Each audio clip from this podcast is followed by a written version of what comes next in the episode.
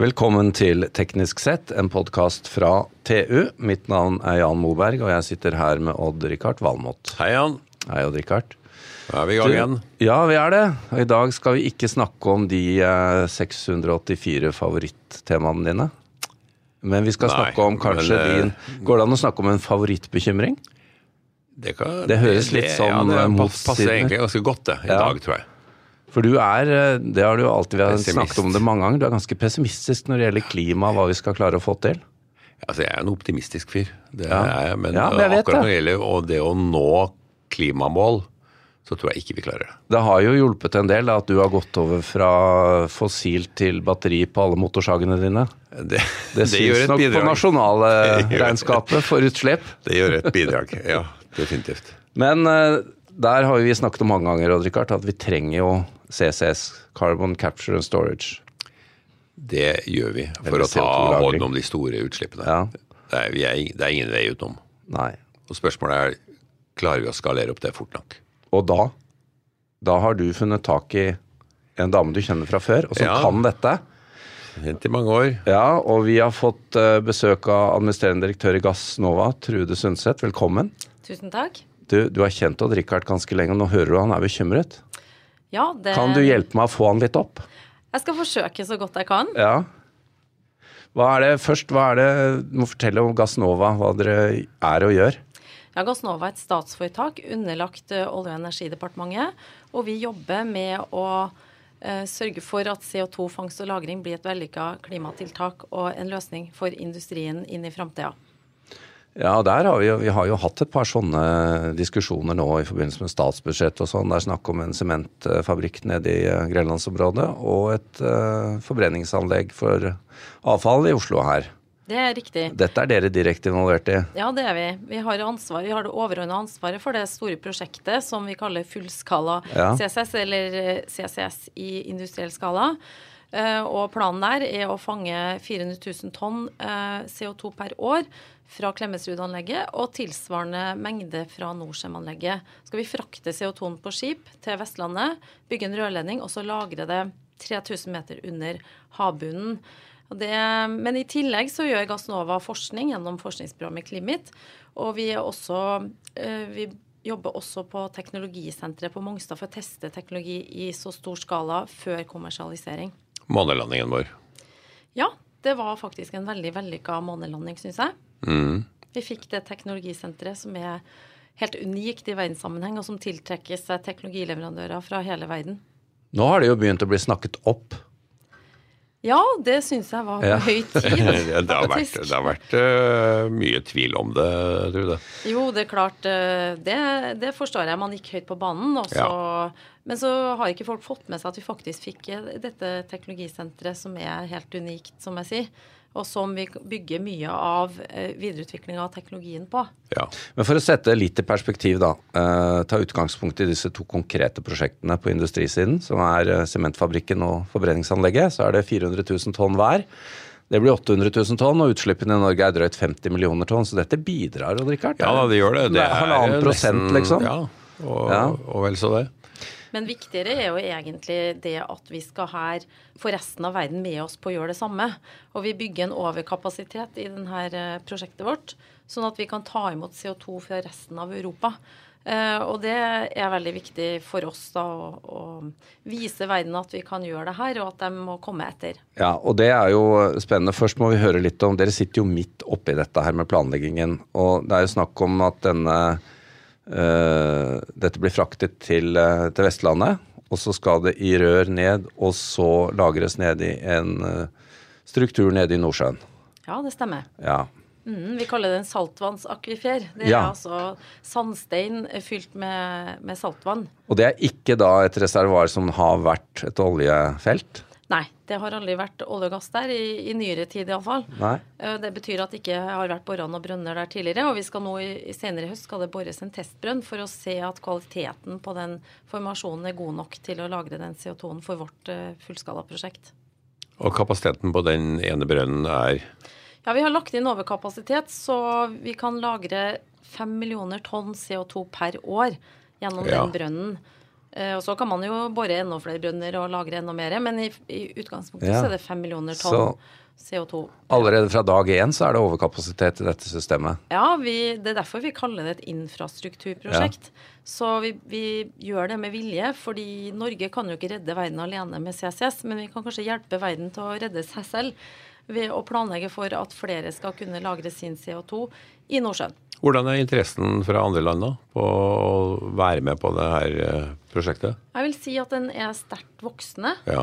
Eh, Det har tatt litt tid å få opp interessen, og CCS har gått gjennom en del eh, bølgedaler de Ja. siste 15 årene. Men nå ser vi en veldig økt interesse, og i forrige uke så var det signering av intensjonsavtaler mellom Equinor, Total og Shell, som skal operere dette lageret. Ja. Med syv eh, industribedrifter som er interessert i å ta i bruk den infrastrukturen. Og det er en stor milepæl for oss. at vi Så fra Norden eller, eller Europa generelt? fra Europa. Så det var jo eh, flere land som signerte avtaler, flere industrier. ArcelorMittal i, i Frankrike bl.a. Eh, og vi hadde signering fra Irland. Eh, og vi hadde signering fra Sverige. Eh, så, og Tyskland. Heidelberg Sement, som jo eier Fort, eh, Ja. Norcem sitt anlegg i Som dere allerede jobber med. ja. Som vi allerede jobber med. Og det er jo spennende. Forbundskansleren i Tyskland, Angela Merkel, har jo, alle, har jo sagt at vi når jo ikke klimamålene uten denne type løsninger. Nei, og det har egentlig Det har mange av oss visst lenge. Ja. Eh, og derfor så er det viktig å få fram altså Vi må jo fortsette å gjøre fornybar energi og spare på energi. og Sikkert gjør noe med flyene våre og, og, og bilene våre. Men, men du kommer ikke utenom at du også må ta ut store punktutslipp fra industrien, for de har ikke noe alternativ. Eh, Du produserer CO2 gjennom sementprosessen. Eh, og det kommer du ikke bort fra. Så 25% av globale utslipp kommer jo fra denne industrien.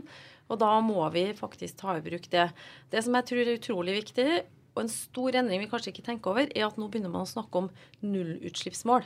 Ja. Og når du snakker om nullutslippsmål, så skjer det noen ting mentalt. Altså du, Ja. Da kommer du ikke utenom Når du sier liksom 80% reduksjon, 90% reduksjon, så kan du alltids tro at også kommer det kanskje noen ny teknologi. Når du sier nullutslipp, da har du ikke noe valg. Da må du også ha CCS. Da må du ha nye løsninger. ja. Ja, altså Både industri og kraftproduksjon er jo de store skurkene her. Så fikk du kobla de på CCS, så er jo problem solved, egentlig. Men det er langt fram. Ja, utfordringen er at det koster for lite å slippe ut CO2. Ja. Så for industrien så er det her, um, det her vanskelig å vite. Da. Hva, hva blir framtidig pris på å slippe ut CO2? Men det vi har sett, er at når den EU-kvoteprisen har jo steget ganske mye det siste året. Ja. Den lå jo ned og vaka rundt sånn 5-6 euro per tonn.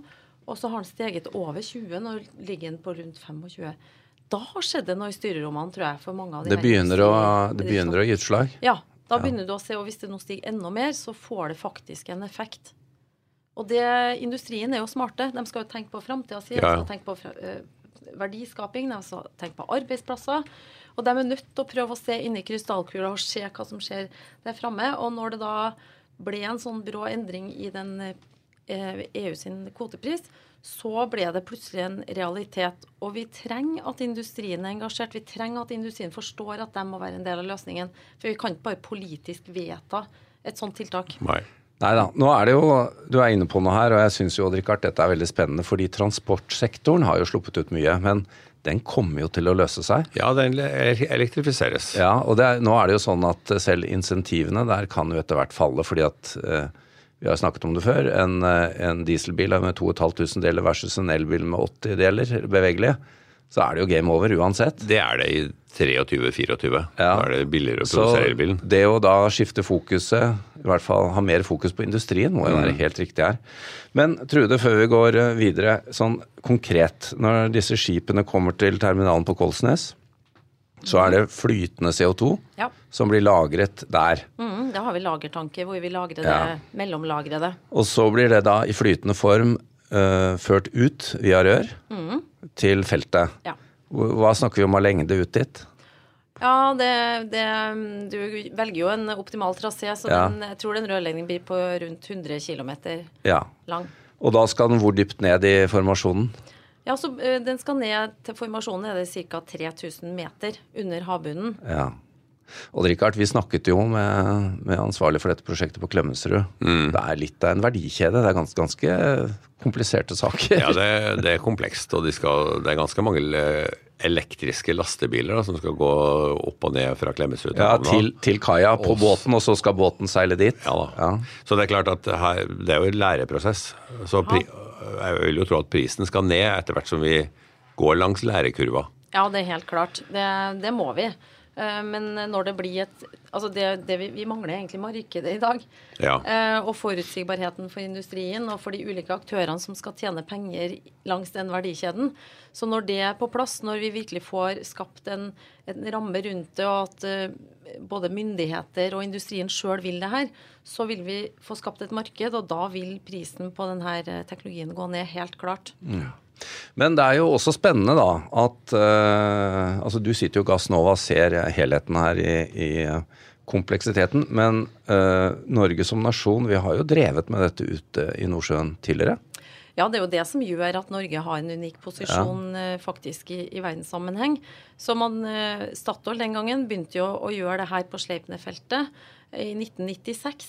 Så vi har jo mer enn 20 års erfaring vi må lagre CO2 i geologisk formasjon.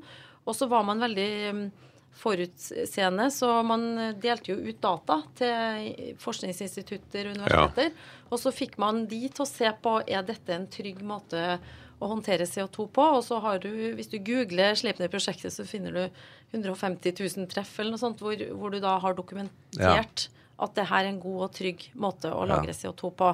Det var utrolig viktig. Så det er jo et sånt uh, prosjekt som alle som driver med det her, kjenner til. Ja, og det er viktig du nevner, altså dette med trygghet. Noen sier jo ja, men hva hvis formasjonene lekker og sånn, men dette binder seg jo der nede, har jeg skjønt? Ja, det er flere mekanismer som skjer, eh, så, og noen av dem er ganske langsomme.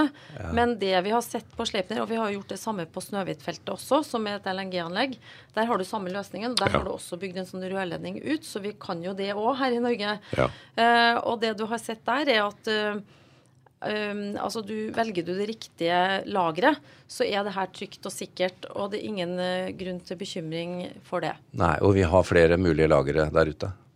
Ja, det har vi. Vi har ja. Eh, hele Nordsjøen er full ja. av sånne lager. Ja. Grunnen, du finner jo massevis av det også rest, i resten av verden. Sånn I prinsippet der du finner olje og gass, så finner du også sånne lagermuligheter. Er det her en stor eh, mulighet for Norge, og det å ta imot CO2 og deponere den forever? Ja, det kan man jo. Det, det tror jeg det er. Og så er det vanskelig å sette tall på sånne ting, da. Ja. Eh, men jeg tror det handler om Det handler f.eks. kanskje om å konvertere geologer i oljeindustrien til å bli mer grønne da, med å, å jobbe med CO2-lagring i stedet. Det samme... Bli lagermedarbeidere i stedet. Ja, men det er jo samme kompetansen du trenger, ja. faktisk. Og så kommer jo i tillegg det at vi eh, kan skape arbeidsplasser i ny Kanskje vil industrien søke seg til steder hvor denne infrastrukturen er på plass. Ja. Vi kan jo få økt eh, landbasert industri i Norge på den måten, og i Europa. Mm. Sikre de arbeidsplassene vi har. Og så kan vi i tillegg eksportere teknologikunnskap. Sånn at eh, vi, vil jo, vi har jo store teknologimiljøer, stor leverandørindustri, som også kan eh, selge sine tjenester og teknologi i resten av verden. Når, når går den første flytende CO2-en ut og ned i lageret? Ja, Det er vanskelig å svare på. Vi, uh, ja, Men det siste updates, da? Hva, I, beste, hva, ja, I planene våre så skal vi gjøre, ha det her i drift 2023. Ja. Men det er avhengig 2023, av en investeringsbeslutning i 2020 som vi tror vi er i rute til det.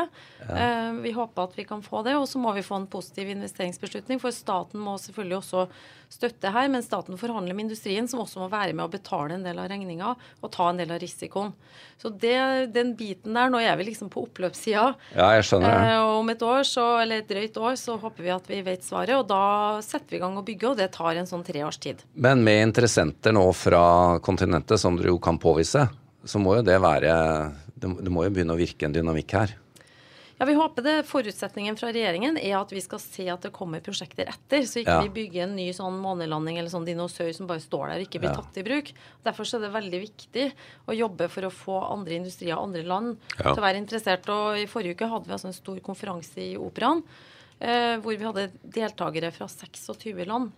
Eh, så det sier jo noen ting om en interesse som vi håper vil vedvare, og som må materialisere seg i konkrete prosjekter som er villige til å ta i bruk den investeringen eventuelt Norge vil gjøre. Hvis du skulle gjette da, Trude, på det prisfallet vi kommer til å se i de neste tiåra på, på aminprosesser f.eks., og ø, prisen øker på CO2, når er det balanse i det her? Når lønner det seg å, å deponere CO2? Det kommer litt an på, det er et vanskelig regnestykke, for det er ganske komplisert. Hvis Ja. vi sier at f.eks. nasjonalstatene tar ansvar for infrastrukturen i transport og lager, da. Ja. Hvis du sier akkurat som du bygger veier og jernbaner og så, Så kan bygger du et si at du CO2-nett, bygger ja. CO2-nettverk. Så kan jo Noen av disse utslippspunktene har jo ganske konsentrert CO2. Ja. Og Den, den, å fange den CO2-en kan koste kanskje ned i 20-30-40-50 euro per tonn. Ja. Uh, og så får du en tillegg for å frakte den. Det må jo være en tariff for å transportere og lagre det. Det koster jo noe å vedlikeholde lager og overvåke. Så vi snakker jo om eh, Du kan komme ned i 50-100 euro per tonn eh, med den teknologien. Og kan Ja, helt da- sikkert også enda lenger akkurat. ned, vil jeg tro. LNG-anlegg rundt hele verden, der er jo CO2-en gratis. Du må jo ta ut CO2-en for å produsere LNG. Du må jo helt ned i 50 ppm. Hvis ikke så fryser jo CO2-en fast i, i prosessen. din. Riktig. Eh, den er jo gratis. Der, ja. og det forundrer meg da, når du har Snøhvit-anlegget i Norge, at ikke alle andre LNG-anlegg i hele verden, som jo er et voksende marked, velger, bruke den samme løsningen. Her høres det ut på meg eh, Trude, som at vi har egentlig mange fortrinn i Norge i hele denne prosessen. Flere deler av den. Ja, det er sånn eh, han eh, EU-kommisjonær Kanjete, som var her i forrige uke på den konferansen og åpna den, han sa jo 'look to Norway', og det var han som bestemte seg for han ville ha en CSS-konferanse i Oslo Ja. i september. Og så i tillegg så um, Men så sier Norge da ja, men vi ser til Europa. Så det hjelper ikke Ja. at eh, Europa ser til Norge. Norge må også se til Ja. Europa. Og det her vi er liksom We're in it together. Her Ja. må vi samarbeide, her må vi jobbe for å få dette til. Og Richard, er du litt optimist nå, eller er favoritt eh, Uh, the proof is in the Bekymringen. ja. Og spørsmålet om puddingen er bakt, uh, da er jeg borte. Men jeg er blitt uh, CO2. Uh, men uh, det var tror- veldig pessimistisk. jeg. det kan Han er pessimist. Nei, nei, 2023, har du tenkt å Nei da, nei, nei, nei, men før, før vi har løst problemet, Trude. Ja, men du vet Noen må gå foran, da. Ja da, og sted. jeg, jeg Du er jo til og med en geolog, Odd Rikard. Ja da. Uh, litt av det også. Ja. Uh, jeg er litt mer uh, positivt innstilt. ja. Det er Jeg bra. er ikke- jeg er ikke helt overbevist om at vi unngår enorme klimaproblemer, men Trude Sundset eh, fra Gassnova, jeg tror vi må invitere deg tilbake sånn innimellom, sånn at du kan bygge optimismen, eller få ned pessimismen også, Richard. Ja, har vi en, har vi en avtale om det? Ja, ja, det er helt klart. Anytime. Takk for at du kom innom, og og Richard, takk til deg også. Det er lenge før du skal legge inn årene. bare sånn. Ja, ja, ja, for all del. Det er egentlig internt, men bare sånn at du vet det. ja, jeg vet det. Ja. Og takk til vår produsent Eivind Limstrand.